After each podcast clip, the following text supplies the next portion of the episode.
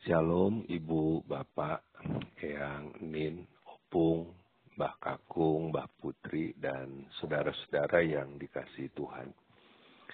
Hari ini, tanggal 12 Juli sampai tanggal 15 Juli, Gereja Kristen Pasundan mengadakan sidang sinode ke-29.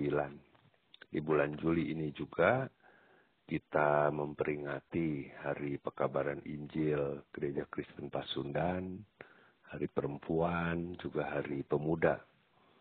Mungkin banyak dari ibu bapak sekalian yang bertumbuh di GKP ikut mengambil peran dalam perjalanan sejarah GKP secara langsung maupun tidak langsung. Tantangan yang dihadapi oleh gereja kita dalam menghadirkan kasih dan kemuliaan Tuhan di tengah dunia yang terus berubah dan berkembang saat ini, terus menerus dihadapi oleh kita sebagai gereja, juga sebagai pribadi. Menarik kalau kita perhatikan, saudara-saudara, semakin kita disadarkan keberadaan kita di hadapan Tuhan dan merenungkan panggilan kita sebagai orang percaya, atau saat kita semakin berusaha untuk dekat dengan Tuhan, tidak jarang di sana berbagai tantangan dan persoalan justru bermunculan. Bukannya dulu tidak ada, tetapi kesadaran kita dalam relasi dengan Tuhan akan semakin memperlihatkan kepada kita tantangan dan cobaan yang mungkin sebelumnya tidak begitu kita sadari. Yang kita tahu mungkin hanya tidak mudahnya kita bisa merasakan sukacita dan damai sejahtera dalam hidup kita. Ternyata hubungan kita dengan Tuhan sangat besar pengaruhnya dalam kehidupan kita maupun dalam hubungan kita dengan sesama. Sebagai manusia yang tidak sempurna, hidup yang penuh dengan berbagai suka duka, pergumulan, tantangan, dan cobaan ini, ada banyak hal yang bisa sangat mempengaruhi hidup kita dan membuat kita semakin jauh dari Tuhan, bahkan mungkin tidak mampu mengenali kehadirannya dalam hidup kita. Salah satu tantangan atau cobaan yang paling tidak mudah dihadapi sering kali sebenarnya muncul dari diri sendiri. Baik karena hal-hal baru yang diperhadapkan pada kita, maupun hal lama yang ternyata masih menguasai diri kita, yang tanpa sadar kita pelihara. Berbagai luka yang kita alami dalam kehidupan kita di waktu-waktu yang lalu, ternyata masih mempengaruhi diri kita sakit hati, benci, dendam, bisa menjadi luka yang belum pulih dalam diri kita.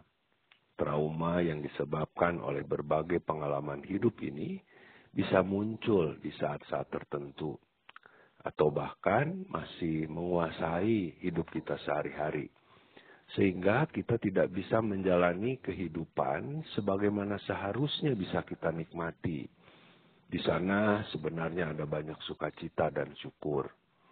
Mungkin bukan cuma luka-luka pribadi, tapi juga luka-luka dalam kehidupan bersama, dalam hidup di tengah keluarga, di tengah persekutuan, yang juga bisa menjadi penghambat bagi kita dalam melaksanakan panggilan gereja, panggilan kita sebagai orang percaya. Luka-luka pribadi kita perlu pemulihan. Juga pemulihan keberadaan gereja kita sebagai tanda kerajaan Allah yang hadir di tengah bangsa yang beragam ini dalam kebersamaan dengan gereja-gereja lain juga. Tidak ada yang tidak bisa dipulihkan. Hari ini kita diingatkan dan disapa oleh firman Tuhan dari kitab Keluaran pasal 20 ayat 2 sampai dengan ayat 3. Di sana firman Tuhan menyatakan, dan apabila engkau berbalik kepada Tuhan Allahmu dan mendengarkan suaranya sesuai dengan segala yang kuperintahkan kepadamu pada hari ini, baik engkau maupun anak-anakmu dengan segenap hatimu dan dengan segenap jiwamu, maka Tuhan Allahmu akan memulihkan keadaanmu dan akan menyayangi engkau. Ia akan mengumpulkan engkau kembali dari segala bangsa, ke mana Tuhan Allahmu telah menyerahkan engkau. Firman yang disampaikan kepada umat Israel dalam perjalanannya di padang gurun ini juga mengajak kita semua untuk membuka diri kita terus-menerus agar menerima pemulihan dari Tuhan.